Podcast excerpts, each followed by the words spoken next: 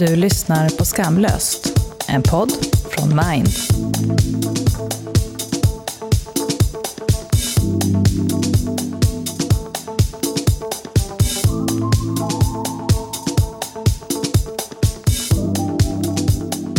Har du rullat nu? Mm. Då kör vi, nu är vi tillbaka. Vi ska prata om skam med Johanna Wester och Nicole Wolfer. Jag heter Selene Cortez och jag heter Saga Becker. och du lyssnar på Skamlöst. Ja, välkomna hit. Tack. Det här är första podden vi är fler än en gäst. Spännande. Vi eh, tänker att ni är så intressanta för olika aspekter. Dels att ni har väldigt kloka åsikter om, om en massa olika saker naturligtvis. Men ni har också jobbat med projektet Din Rätt under tre år. I alla fall du Johanna, eller hur? Eh, berätta lite grann om vad det är för någonting och vad ni har gjort. Kort. Ja, det utgår ju från Nationell samverkan för psykisk hälsa som är ett nätverk för stora delar av intresseföreningar inom psykiatrin. Så de hade på känn att lever man med psykisk ohälsa så löper man större risk för att vara mindre välkommen i samhället på massa olika sätt. Så projektet Din rätt handlar om att försöka ja, identifiera och belysa diskriminering av olika slag i samband med psykisk ohälsa och kanske psykisk ohälsa i ordets eller begreppets vidaste mening då. Och det känns konstigt att säga att det har varit kul, men det har varit väldigt kul. Eh, inte minst för att få jobba med Nicole som bland annat har bemannat vår kostnadsfria rådgivning som fick in eh, över 450 personers frågor och så. Så vi tror att det finns ett stort problem kring det här och vi har kunskapssammanställt och så. så. Det finns skäl att vara bekymrad men det finns också mycket att känna hopp för om vi börjar göra någonting åt det här. Ja, och det har ju varit så i statistiken att man inte riktigt har sett hur stort det här problemet har varit. DO till exempel som jobbar med diskrimineringsfrågor får inte in så mycket anmälningar från den här gruppen. Men eh, vi som Johanna har sagt har ju fått in 450 ärenden på den här korta tiden av personer som inom typ alla delar av samhället har känt sig orättvist behandlade på grund av sin psykiska ohälsa. Eh, så vi har ju verkligen fått samla på oss en, en stor kunskapsbank om hur, hur det här upplevs. Och det kan jag tänka ligger mycket skam i det. Antingen innan i sakens natur, eh, att man skäms över att man mår dåligt, men också för att det kan föda skam. Att inte bli tagen på allvar eller att inte bli behandlad utifrån det sätt man behöver. Eller... Är det någonting ni har sett? Det är ingenting som vi har pratat om explicit för i rådgivningen. Det vi har kunnat ge är ju liksom vägledning i, i den här situationen. Hur kan jag ta mig vidare och vart kan jag vända mig och få hjälp och sådär. Så att det har ju liksom inte varit eh, riktigt den sortens samtal. Nej. Men det är ju verkligen sannolikt att det, att det finns med. För jag tänker en del kan ju vara eh, ja, men den skammen som, som man har själv kanske kring sin psykiska ohälsa till exempel. Men, men jag tänker också, ibland pratar man ju om hur, mm, att, att skamma andra. Och skam handlar ju ofta om liksom, att, bli, eh, att bli kränkt, att bli avvisad. Och det är så många av de som vänder sig till oss som eh, de två vanligaste områdena folk har klagat på har varit socialtjänsten och vården. Där man liksom vänder sig för att söka stöd. Eh, och att man där inte får det stödet, man inte blir tagen på allvar. Det handlar ju om att ja, den, saken, den sortens bemötanden som väcker skam. Att man liksom blir skammad. Så säkert finns det mer skam där. Jag har också funderat lite på ordet nej som sådant. Nejets negativa kraft. Och det här är ingenting som är förankrat hos de som har vänt sig till oss och utöver rådgivningen är det ytterligare hundratals personer.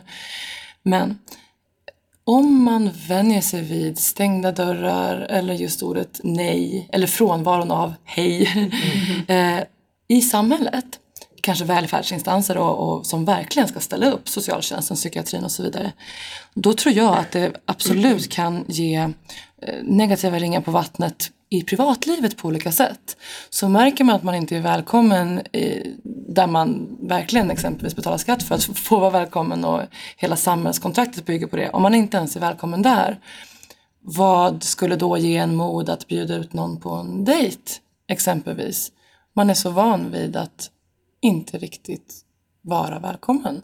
Och det tror jag kan eka stort på massa fronter och det är jättesorgligt. Att det kan föda skam i andra fält eller i andra rum. Visst, och, och upprätthålla skam på olika sätt. Att, alltså ensamhet exempelvis, som många personer ändå med psykisk ohälsa känner till på ett eller annat sätt, eller rent av isolation. Det anses väl tyvärr väldigt fult, så att säga. Att, att vad är mer genant än att inte ha vänner exempelvis. Ja, och så vidare. Nej, men jag tänker väl att det finns väl jättemånga om jag tänker på mitt eget liv, alltså många händelser där jag har känt att man inte blir tagen på allvar och då blir det att istället håller man allt inom sig. Verkligen. Eh, för blir man sviken av personer och instanser eller är tvungen att hota med allvarliga grejer för att bli tagen med allvar, det gör då att man vänder sig inåt. Eller jag har gjort det i mitt liv i alla fall. Eh, det är otroligt farligt. Eh, Men jag tänker lite grann på eh, det du säger Nicole, att ja, men vi, har inte, vi har inte varit sådana samtal och det är såklart att det inte har för det har varit så mycket sakfråga. Men det är också något som vi märker, vi har ju spelat in några avsnitt och haft väldigt så här, fantastiska samtal med våra gäster. Och trots att många har pratat väldigt mycket om sin berättelse eller sin historia, sina erfarenheter så är det få som har haft diskussioner om skam relaterat till det. Jag tänker att min erfarenhet så här långt är att det är ett, något som är, så tar extremt mycket plats i människors liv men som har fått väldigt lite påklädda ord kring det. Så Kan ni se vad jag menar? Absolut. Absolut. Att det finns liksom en, vi pratade om det också jag och, och Saga när vi har diskuterat det här fram och tillbaka. Att om man hade, någon hade frågat mig för några år sedan om jag skämdes mycket när jag var sjuk till exempel så hade jag nog inte svarat likadant som jag hade gjort idag. Eller jag hade nog, svaret hade varit annorlunda tror jag. Jag vet inte, vad, vad, vad tänker ni kring det? Tror ni att det speglas? Så är det säkert. Eh, och det är, förhoppningsvis kanske det är något som kan finnas med i, i samtal. Eh, ja, men till exempel inom, inom psykiatrin kanske, eller inom alla möjliga instanser på ett mer självklart sätt i framtiden. Eh, men det är ju också för många, jag läste någon intervju av en psykolog om skam, där han också skrev om att, så här, att han, även om det handlade om den andra personens skam, så kunde det göra att han lät bli att fråga om det för att det blir ju jobbigt. liksom. Eh, Och att det var någonting som han behövde jobba på. Så det ligger ju lite i skammens natur att inte prata om den. Eh, vilket ju också gör det så viktigt att prata om den. Ja, verkligen. Eh, Ja, men jag tänker också på, dels du säger det här om ord, att faktiskt hitta, inte bara ett ord för allt det här, utan kanske många ord. Ehm, Men också att synliggöra med exempel. Och de kan vara jätteprivata, eller de kan vara lite mer allmängiltiga. Vi alla kan skämmas om vi har mat runt munnen och inte vet om det eller något sånt. Sen kanske man har saker man skäms över som andra inte alls kan förstå. Tvärtom kanske någon säger, ja men det är väl ett av dina bä- bästa drag eller så. Och man har säkert system för att ja, men straffa sig själv när man har trätt över linjer man själv har dragit. Det är jättemärkligt hur det där kan fungera. Så jag tror enormt mycket på den här typen av projekt som ni har. Ni här på Mind. Ehm, att skapa forum och arenor och ramar, och då menar jag liksom talramar, sätta på väggen-ramar eh, för frågor kring skam. Och då kan man ju också prata om motsatsord, alltså att känna sig stolt eller eh, känna självtillit och självacceptans och alla de här sakerna. Är det motsatsen till skam? Ja, det är verkligen frågan. Vad säger du Nicole? Nej, jag har nog inte ställt mig... Jag, jag tycker det är en fantastisk... Det är ju superintressant. Intressant fråga. Jag tror jag har läst någon gång att det, är- att det är det man har definierat som motsatsen till skam. Men, Ja. men jag tycker eh, jag tänker också på så här sårbarhet eller kontakt som en motsats till skam. Alltså att skam handlar om någon sorts bruten kontakt, kanske både till mig själv och liksom min sårbarhet och mina behov men också Alltså skam är ju en, en eh, relationell känsla. Den är ju social. Det handlar ju om liksom relationen till andra. Och att den på olika sätt bryts eller riskerar att brytas. Ja. Så jag tycker också att det finns någon, någon relation dem emellan. Kontakt eller sårbarhet och skam. Bra talat. Jag har inte tänkt på det men det, det låser upp någonting i mitt huvud när du säger det. Och jag ser direkt situationer i mitt liv då lösningen inte har varit att nödvändigtvis eh, morska upp mig så himla mycket eller bli kaxig eller tvångsmässigt sträcka mer på ryggen än vad som kommer naturligt eller något sånt. Utan tvärtom. Att, att ha den lite så fina självövervinnelsen att nu berättar jag för en vän att jag känner mig ängslig över något eller så. Och att eh, den personen tar emot det. Mm. Där, det är ju där magin händer. Mm. Mm. Ja, visst. I berättandet. Mm. mm. Visst. Men det är ju också någonting som vi har sett väldigt tydligt bara i den här poddsäsongen. Att som du säger, magin händer när man börjar prata. Mm. Och märker att det här som jag har burit väger tungt. Eh, men, men det väger tyngre än vad det behöver göra. Mm. men för det märker, jag märker väl det ganska mycket i mitt liv när jag är väldigt sårbar eller öppen och är stolt över min historia eller när jag pratar om den, hur mycket det hjälper andra till att börja prata eller börja öppna upp sig och börja ta tag i saker. Mm. Eh, Kommer ihåg någon gång för några månader sedan så hade jag varit och jag var med i någon podd som någon hade lyssnat på och så träffade jag den här personen. Eh, och då kom den här personen fram och sa att mm, tack vare att jag hörde dig i den podden så har jag nu sökt hjälp. Mm. Oh, um, det är otroligt mäktigt. Och det känns ju fantastiskt att få höra det av den personen. Mm. Uh, att det faktiskt har hjälpt. Just mm. på grund av att jag har släppt mm. och pratat om någonting som jag kanske inte känner mig bekväm med att prata om egentligen. Um, jag tänker också på det här med att man kan typ skämmas över att man kanske är stolt också. Mm. Som är motsatsen till mm. skam. Um, men det är väl väldigt kulturellt? Mm. Ja, ja, men det tror jag. Det är väldigt mycket jante i det. Mm. Jag, jag tittar här på min servett framför mig. Jag har skrivit ett ord och det är just jante. Mm. För det tycker jag är väldigt slående att dels hela den ehm, det, det, finns ju flera typer av reglage eller vad man ska säga kring skam och en del kan vara bättre och en del kan vara sämre. Vi pratade om det jag och Nicole igår att det kan ju faktiskt vara så att eh, en del skam har ett helt evolutionärt syfte att om jag har varit dum och så skäms jag över det och så tänker jag, nej men nu är det dags att be om ursäkt Johanna, det är ju bara hälsosamt och mm. fint. Mm. Eh, men det kan också finnas dåliga och framförallt onödiga former av skam. Och då tänker jag på Jante.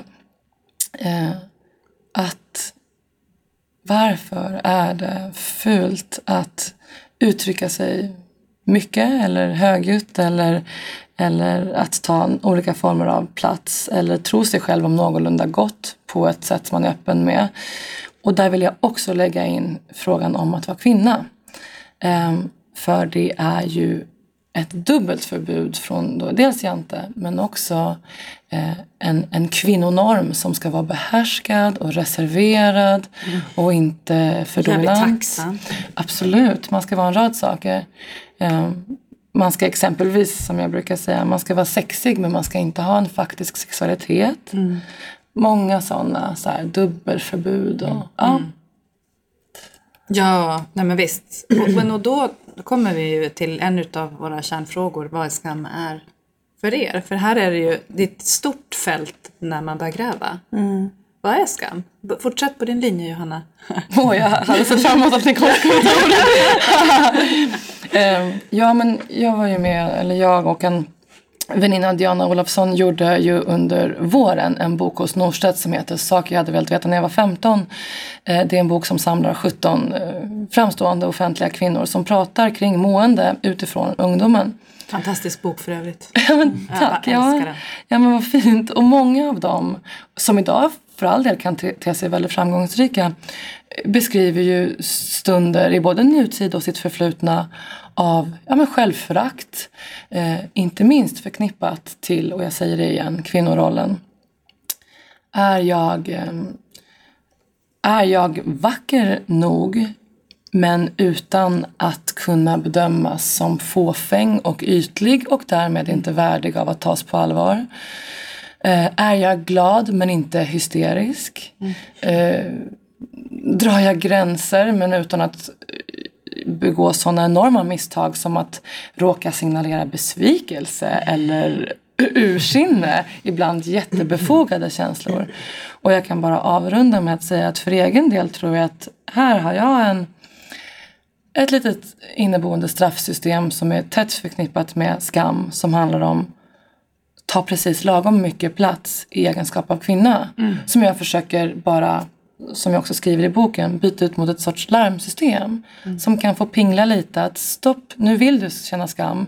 Men fundera då en sekund. Är det för att du faktiskt har felat på ett sätt som fint kan få korrigeras lite?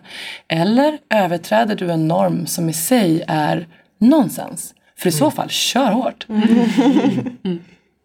Mm, ja, vad fint. Men jag tänker också mycket på, på normer. Både på normer och på tystnad. Eh, och verkligen det här med att ta lagom mycket plats. Både att eh, ja, men om, eh, som med psykisk ohälsa till exempel, eh, om jag liksom eh, som verkligen kan väcka skam för mig om jag pratar om mina egna erfarenheter av psykisk ohälsa och det bemöts med den här totala tystnaden. Att liksom jag har berättat för någon och att det är ingen respons. Mm. Att det är så här, nu var det, det är över någon linje här, det här blev obekvämt för någon.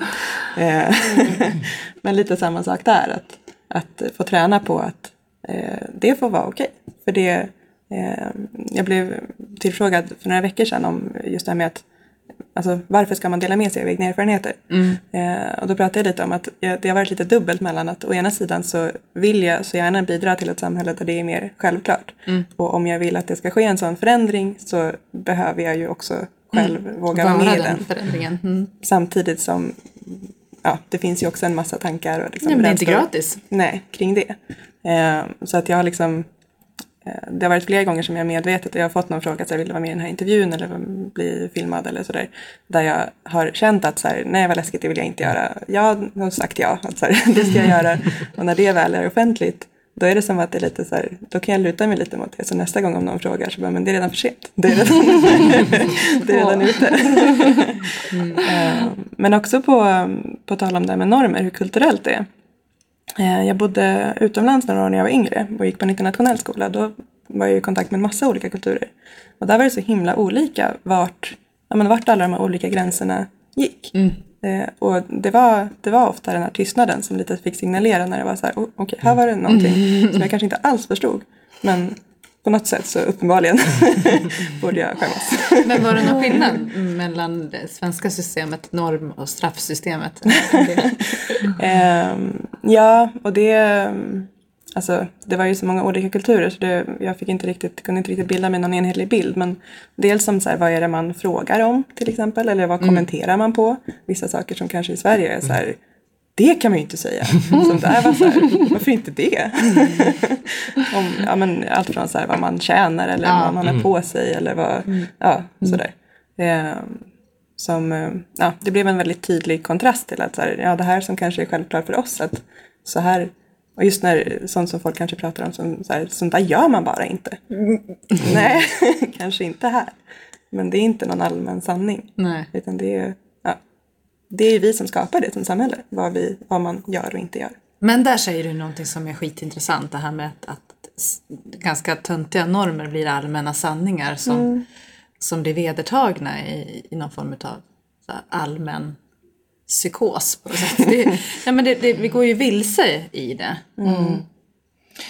Men det som är så sorgligt och, och eh, så komplicerat också är att normerna är ju långt ifrån inbildning om jag, nu blir jag lite privat här, men när jag, när jag gick i högstadiet och det här var långt innan jag ens hade sex första gången så, så var det sån otroligt hård kultur och alla tjejer kallades hora eller fitta mm. eller så. Framförallt hora, att man var eh, ja, men så slampig och saker.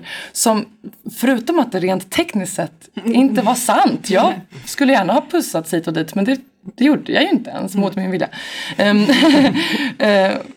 Så om när man lär sig det när man är 13 mm. um, och att då gå ut i sexualiteten med, med mm. hunger och nyfikenhet och improvisationslusta. Det kräver eh, fokus och mm. ork och mod. Eh, så det, det jag menar är att det är ju inte inbildning. Alltså det, vi har ju lärt oss och det, det, det får ju ibland hemska konsekvenser att överträda de här normgränserna. Och man kan fråga sig var det nästan värt det? Um, vad det nu än må tänkas vara.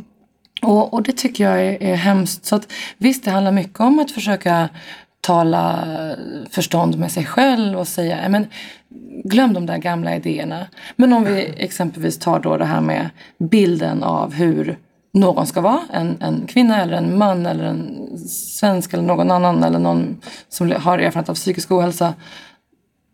Då får det konsekvenser tror jag att frångå det ibland. Och det kan leda till ensamhet exempelvis. Det kan leda till allvarliga missförstånd och så vidare. Och det, det, det tycker jag är sorgligt och synd. Men det är ju det som är så svårt med normer. Håller man sig inte till normerna, men då blir man den här jobbiga. Då, Alltså, man precis, blir jag tänkte liksom... det. Saga, den bollen måste du ta. Nu vill jag höra. Nej, men det är så många delar i det här. Nu behöver du prata Ja, men det en är liksom- Kvinnlighet, normer, bryta normer och identitet. Ja men alltså det, det går ju... Sexualitet, att komma liksom bli Ja men det är kvinna ju i så tonåren. lätt att bryta. Har du något Alltså där att jag kommer ifrån, det räckte ju att ha fel märke på tröjan. Mm, Tänk då att inte känna sig hemma i könsnormer eller i sexualiteten, att en sexualitet inte ens finns eller att ens könsidentitet inte ens finns. Mm. Ehm, och det som finns faktamässigt kring det är absolut inte vad man är. Så det blir ju att man tar avstånd från det eller man försöker passa in. Ehm, tills det inte går mer. Ehm, och det är ju speciellt då om man är ung.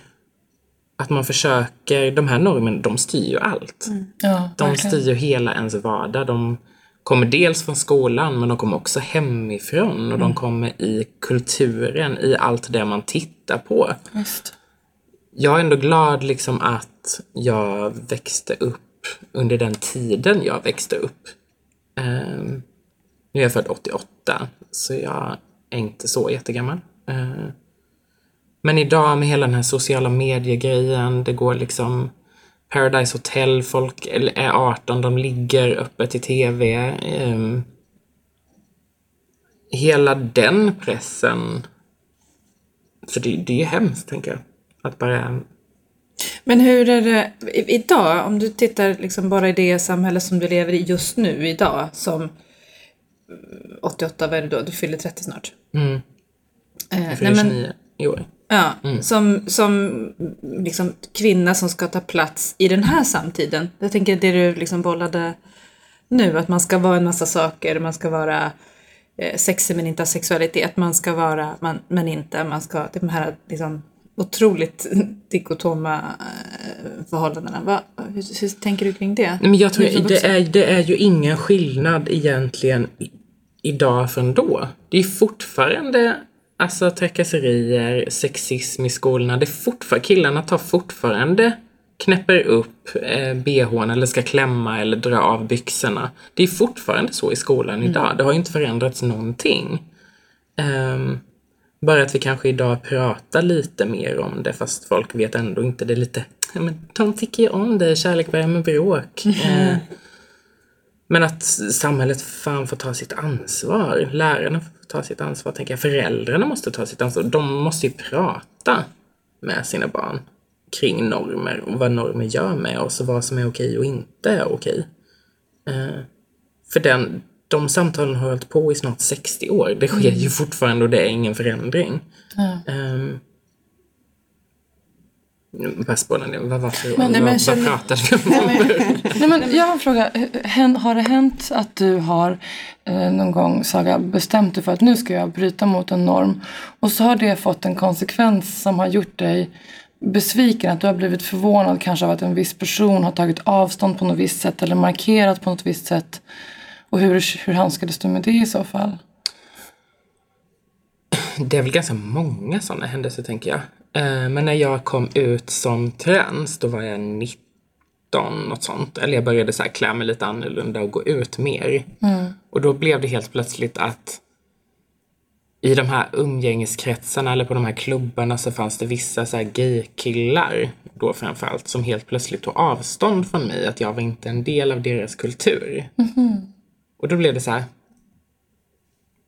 Att jag hade tänkt att det här är ett öppet community där alla är välkomna men det funkar inte så.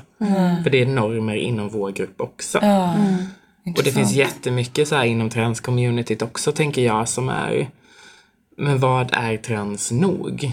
Vem är trans, eller vem får, vem får vara trans? eller, och vad är det? Ehm, så det finns ju normer inom alla grupper. Det finns nog inte något, något normfritt eh, samhälle någonstans tror jag. För att normerna finns överallt. Ehm, tänker jag. Det är bara att man kanske inte ser dem alla gånger. Hur mycket får du armbåga dig framåt idag om vi tittar på Jante och eh, som vuxen kvinna? Känner du av det?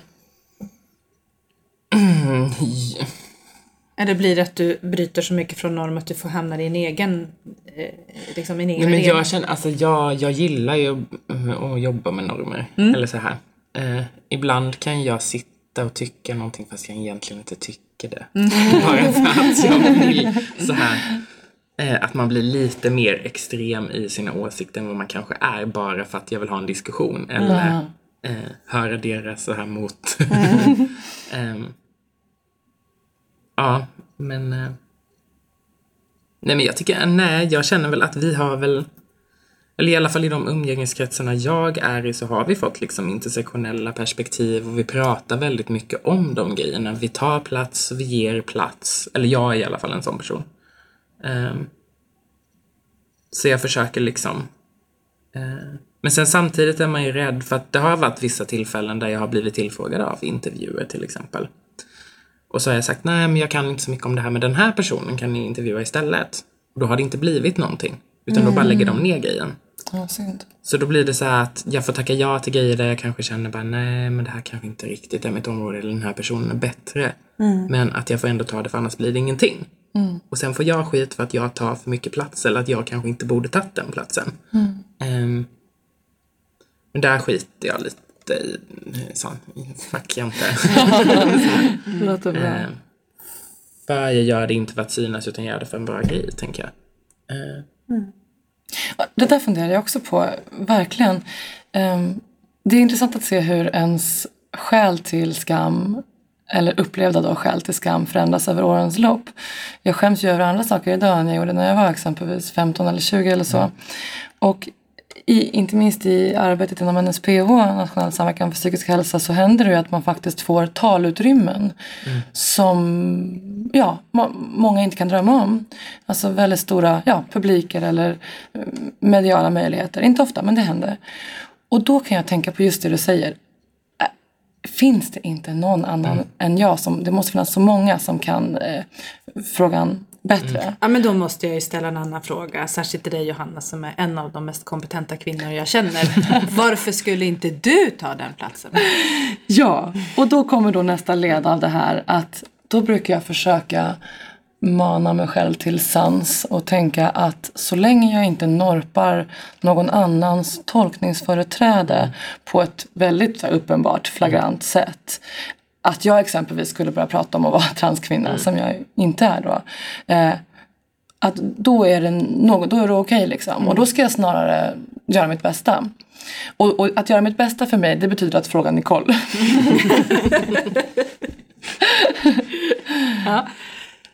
Vad säger du då Nicole? Hur mycket eh, skam ockuperar din tid?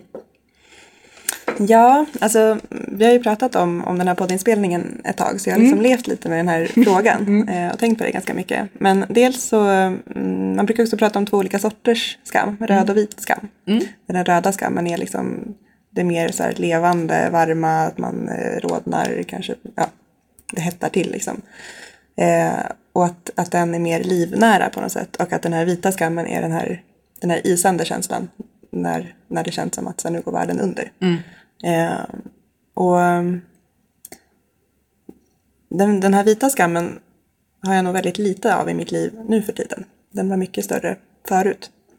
Eh, men den röda skammen, jag funderade faktiskt först på att säga bara, nej men jag skäms nog faktiskt inte så mycket. Och så bara, eller betyder det att jag skäms typ lite hela tiden? att jag bara är så här van vid att det är ju att leva liksom. och lite så är det kanske att, eh, att den här lilla röda skammen finns med lite här och där hela tiden. Men också att jag blivit bättre på att så här, det är okej att känna skam och det betyder inte, eh, alltså om det hänger på normer så det betyder inte att jag är fel. Utan det betyder att så här, här finns det en norm som jag inte alltid passar in i.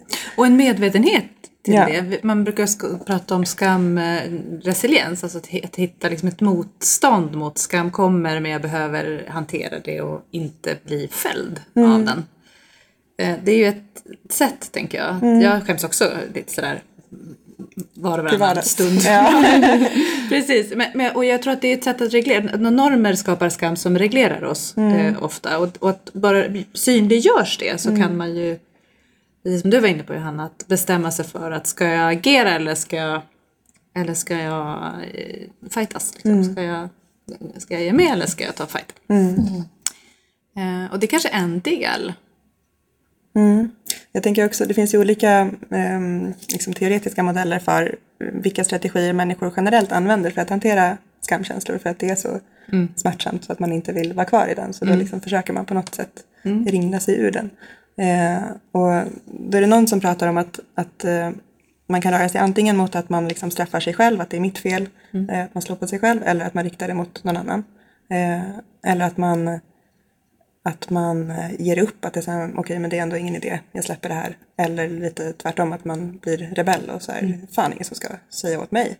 Eh, jag hade en kompis som sa att här, hon hade börjat lägga märke till när kommer de här olika spåren av tankar. Eh, kanske inte att det är så här ett jättetydligt skeende, stark skam, stark reaktion. Men i vardagen, så här, när är det jag tänker mer på att så här, det här, du ska fan inte, eller så här, det här, ja, nu var det mitt fel, nu var det ditt fel. För det är ju också lite så här, ett steg från sårbarhet. Eh, och att, att det för henne blev någon sorts, ett sätt att hålla koll lite på, så här, när dyker skammen upp och eh, vad, vad får jag för reaktioner och strategier till det. Eh, och vad kan jag göra istället för att verkligen så här, mer känna in vad, ja, men vad är det jag vill här och vad, hur skulle jag vilja bete mig? Men det där tänker jag, jag tänker jättemycket när du pratar om hur man hanterar ångest rent kliniskt. Eh, strategier för att, att hantera och möta ångest. Och jag tänker också att skam och ångest ofta kanske både sitter ihop men också blandas ihop. Är, är, vad tänker ni? Ja, men det går väl lite hand i hand, tänker jag. Om man skäms, då får man ångest. Om jag har ångest, då skäms jag. Alltså, så här, de går ju lite hand i hand. Och kan säkert vara lite självförsörjande också. Det är så ofta tycker jag som saker och ting händer i eh, bättre eller sämre spiraler. Ofta när livet är bra är det så nära till hands att livet ska bli ännu bättre.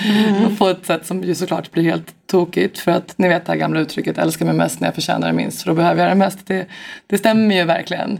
Det är ju inte när ja, men, pengarna rullar in, man känner sig läcker och framgångsrik. Och det är inte då man behöver de där ja, men, kramarna och klapparna och acceptansen och så.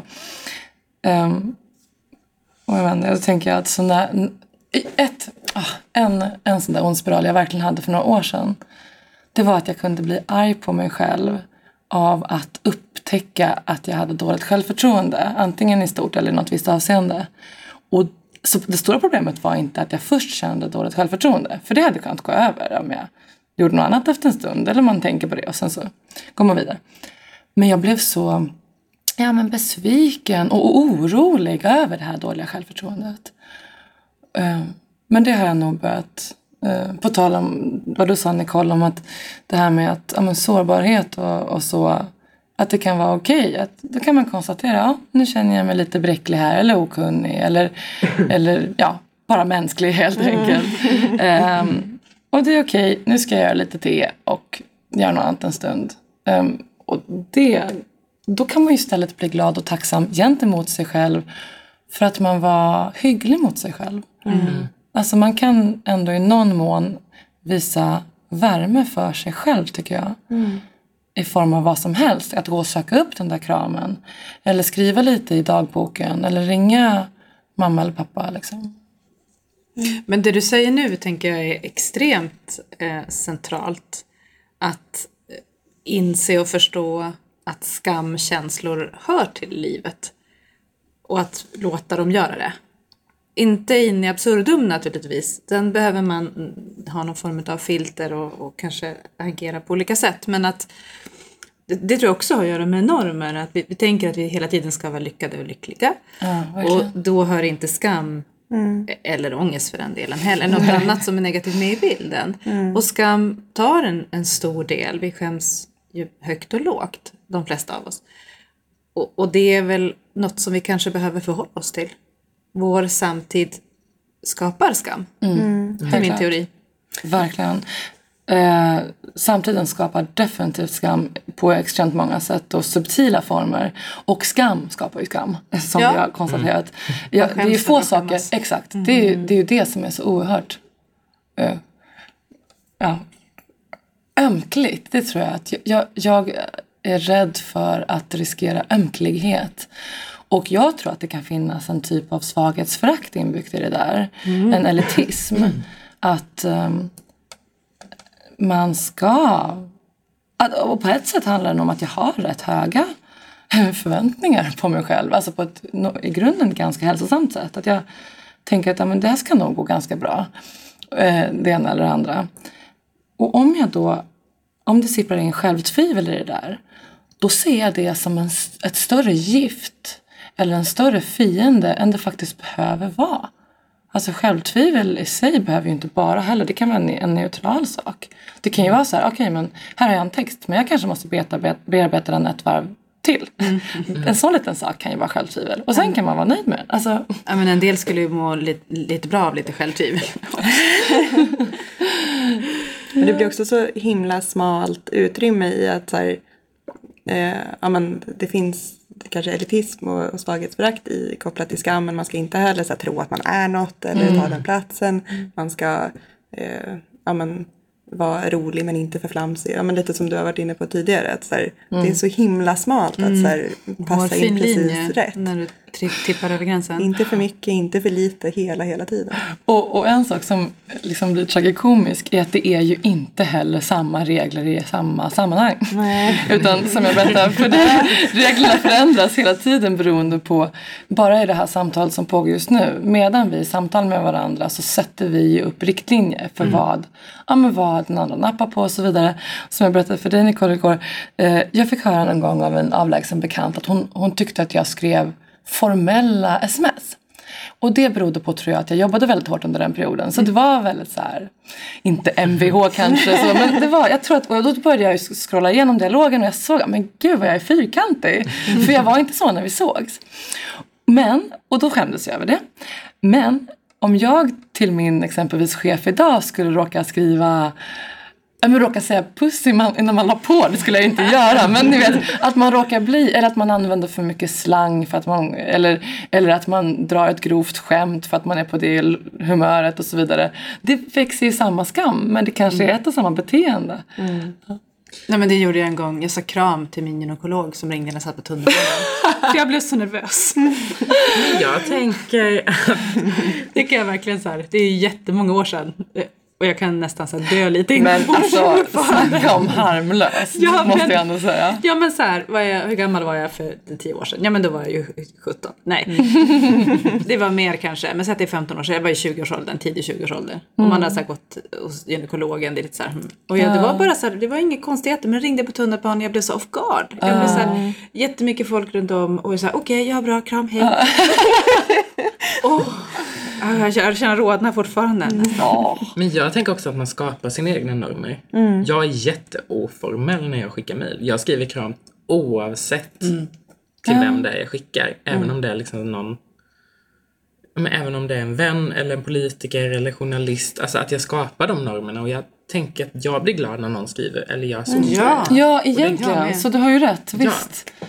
Varför skriver du aldrig kram till mig när du skriver? jo det gör du. Ja, det gör jag väl, tänker jag. Förutom de jag känner för de är sju- sjukt otrevliga. eller? Det har jag redan sagt kram en gång. Ja. Men det kan ju också vara så himla befriande om det är någon som så här, ja men typ, spelar ingen roll, jag skriver kram till alla. Att så här, vad skönt att inte behöva så här, "Ha, hur ska man avsluta det här mejlet då? Utan, Bästa MVH. hälsningar. Ja, men så här, nej. nej. Men vad, skäms, vad har ni skäms för genom livet? I stora drag. Ja men det är väl mycket där, alltså att vara otillräcklig på olika sätt. Att vara för mycket eller att vara för lite. I massa olika sammanhang det, det är liksom genomgående spåret. Hur mycket har det varit kopplat till din egen erfarenhet av psykisk ohälsa?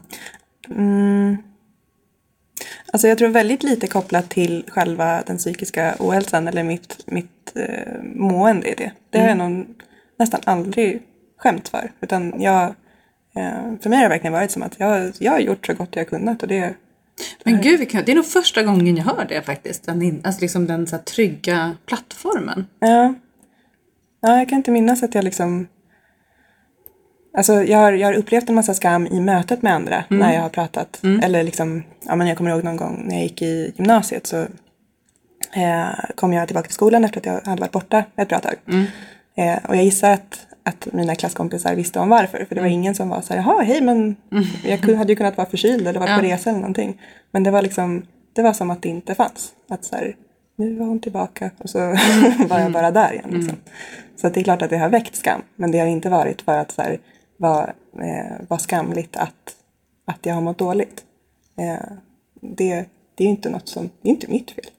Men vem har, nej såklart att det inte är, men hur, vad är det som har gjort att du har lyckats ha den här, för det är ju superintressant, vad har gjort att du har lyckats ha den, den liksom inställningen och känslan till det? För den gissar jag är speglad av andra. Det ju, måste ju vara många andra som har lyckats liksom vara medskapare till det.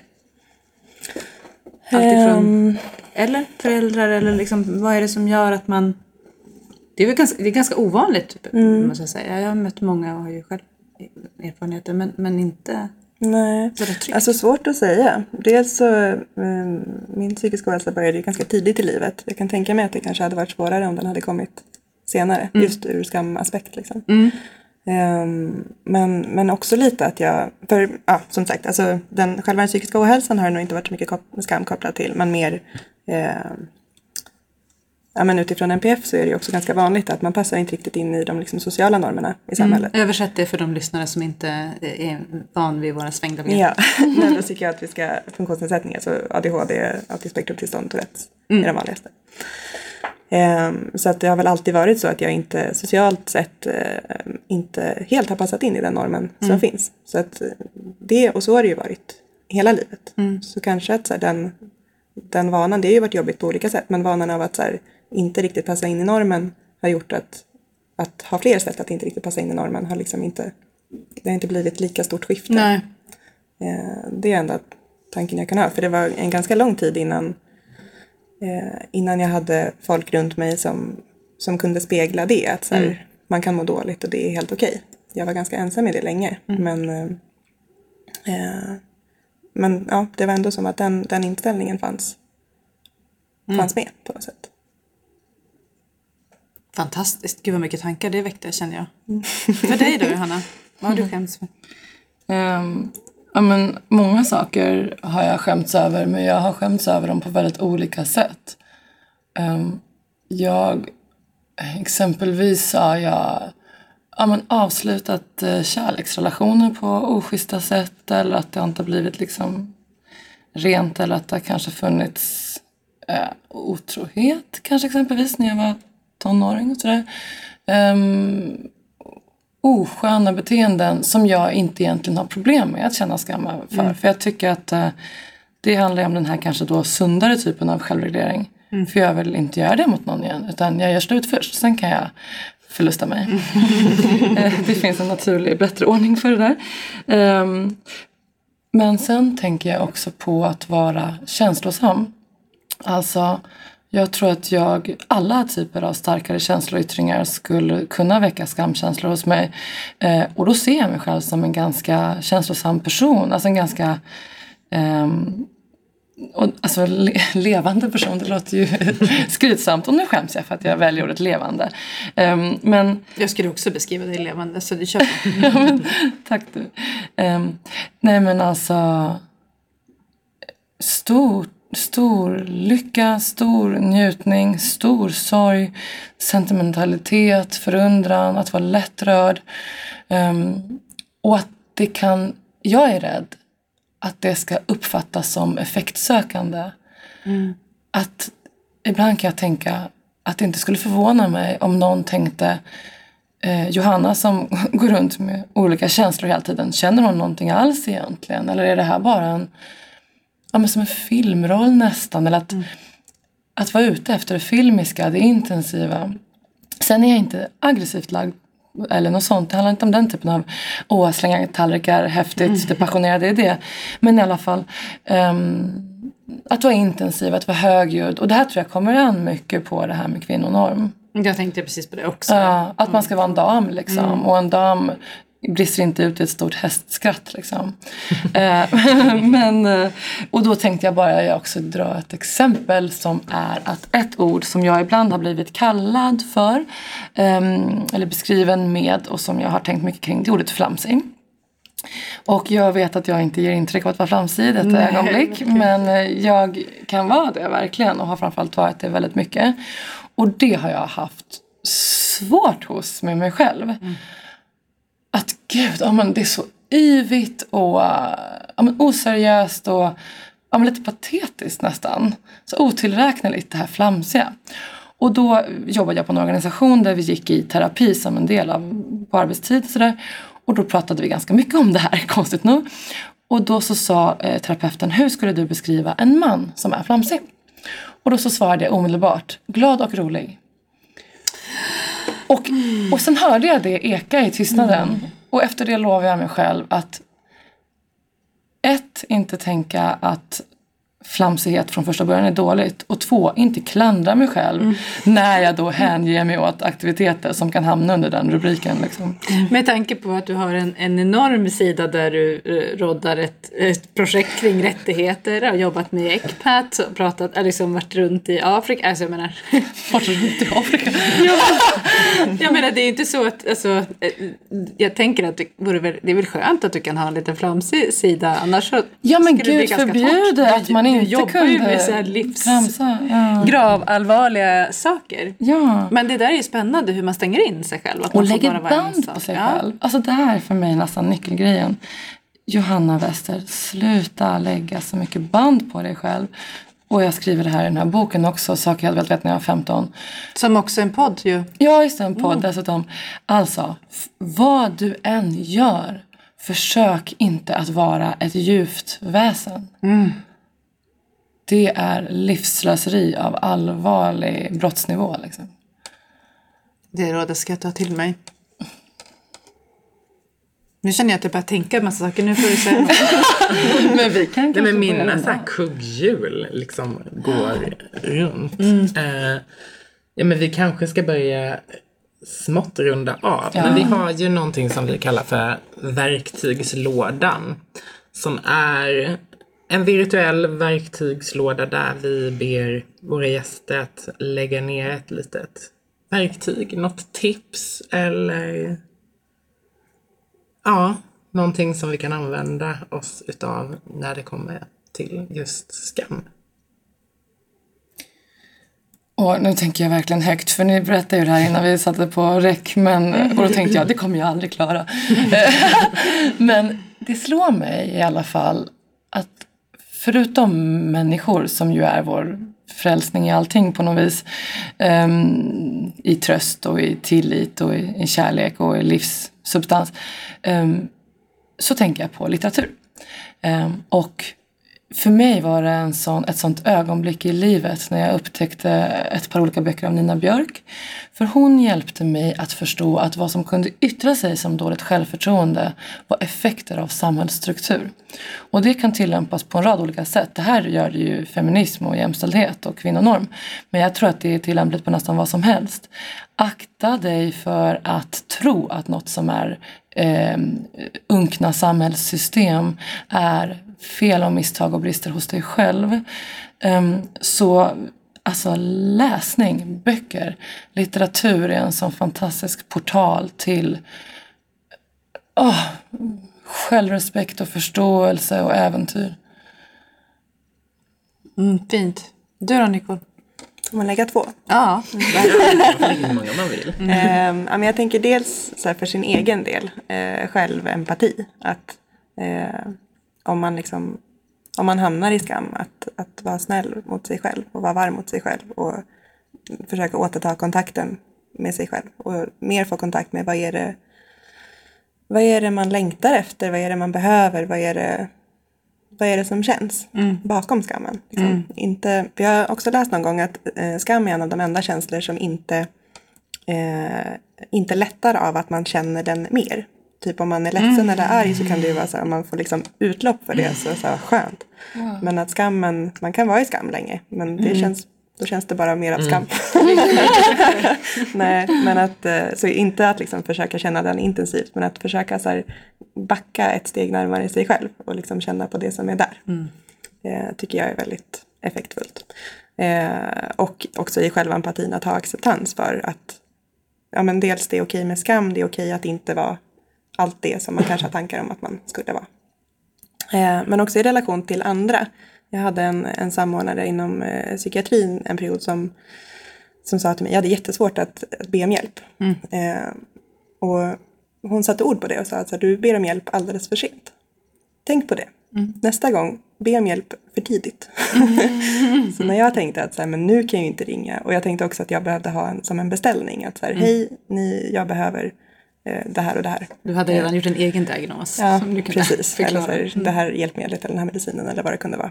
Och det, jag visste ju oftast inte riktigt vad det var så Mm. då ringde jag inte. Ehm, men ja, när hon sa, hade sagt det så var det som att jag kunde skylla lite på henne. Så när jag ringde var det så här, ja hej, ja Kikki har ju sagt att.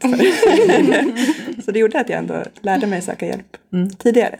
Eh, och det är en sån liten grej att göra som yrkesverksam men Mm. kan göra så stor skillnad. Eh, så det vill jag skicka med till de som möter personer. Eller ja, alla som jobbar med människor typ. Fint. Jag tänker du Johanna sa ju något innan också om, som du alltid säger i, i eller som du säger, skriver i boken. Vad var det det var? Var inte ljuv. Nej, vad var det? Ja, var inte försök inte vara ett djupt väsen. Och det, det kan ju översättas på många sätt. Men det handlar om var inte medgörligare än vad som kommer naturligt. Ehm, Det tycker jag. Det kändes i mig som ett råd som jag, Verkligen. som jag lätt lägger ner i min egen verktygslåda. Ja. Som är ganska långt ifrån ljuv. och vän. Men om vi knyter ihop påsen och lägger upp det här där vi började med projektet Din rätt och det ni har sett under tiden. Vad tror ni skulle behöva för att öppna upp för att landa där vi har landat under den här stunden tillsammans? Eh, på- samhällsnivå eller i, på individnivå. Vad, vad tror ni skulle behövas för att öppna upp för att möta skam, att förstå skam, att känna mindre skam? Ja, men jag tänker att det är mycket att prata om det. För mycket, mycket av det som vi ser i diskriminering handlar ju om fördomar som handlar om okunskap. För att det handlar om att man tänker att det här är andra. Det här är liksom den där andra gruppen som är si och så. Och så är det ju inte. Och skulle man prata om det mer, alltså alla har ju någon i sin närhet som någon gång under livet lever med psykisk ohälsa. Eh, men man kanske inte vet om det för att man pratar inte om det. Nej. Eh, så det tänker jag ibland. Dels någonting som alla kan göra och någonting som eh, en av de allra viktigaste sakerna. Och också, eh, ja, men på tal om så här, du var inne lite på så här, men vad är trans och när är det trans nog? Och lite samma sak med det här. Att så här, alla kan prata om när livet är svårt eller när det är jobbigt eller när det känns. Alltså känslor. Det behöver inte vara att så här, man ska komma över någon tröskel till att så här, nu är jag Prata för tidigt. Nej, precis. Att så här, nu får jag säga något som kan klassificeras som psykisk ohälsa. Men att, att prata om allt det här mänskliga. Liksom. Och i det så finns ju psykisk ohälsa också. Och då behöver jag ju säga att det är det man gör på Mindforum bland annat. Ja. Forum.mind.se Du då Johanna, vad, vad är ditt, eh, knyter upp säcken där också. Vad behövs tror du? Ja, med risk för att då bli lite formell så tänker jag att vi måste också prata om rena resurser. Och krasst sett så handlar det också om regeringsbeslut och eh, politik som, som måste göra att ehm, att det här attitydförändrande arbetet äger rum så att chefer förstår att det går att anställa personer med psykisk ohälsa. Det finns hjälp att få som chef för att göra det. Eh, s- Så att det inte får en sån effekt att en vårdgivare blir på sin vakt mot en person bara för att den har en erfarenhet av psykiatrin och så vidare. Och det här, man kan prata otroligt mycket om vad privatpersoner ska göra och jag, jag älskar ja, Mindforum och, och, och allt som vi pratar om nu. Men till syvende och sist snackar vi också kunskap, rutiner, l- bättre löner, eh, bättre utbildningar. Alltså det här måste systematiseras. Eh, s- Att förändra, att lyfta skam och att förändra attityder, det måste också ske på samhällsstrukturell nivå. Mm, verkligen. Verkligen. Jag tycker vi avrundar där. Kloka ord. Tack för att ni kom hit. Tack för att ni gör den här podden som är så viktig. Och du har lyssnat på Skamlöst med mig, Saga Beckley. Och mig, Selena Cortez.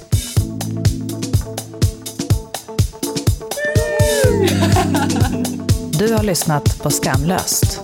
Vad är skam för dig? Berätta på Mind Forum. Gå in på forum.mind.se.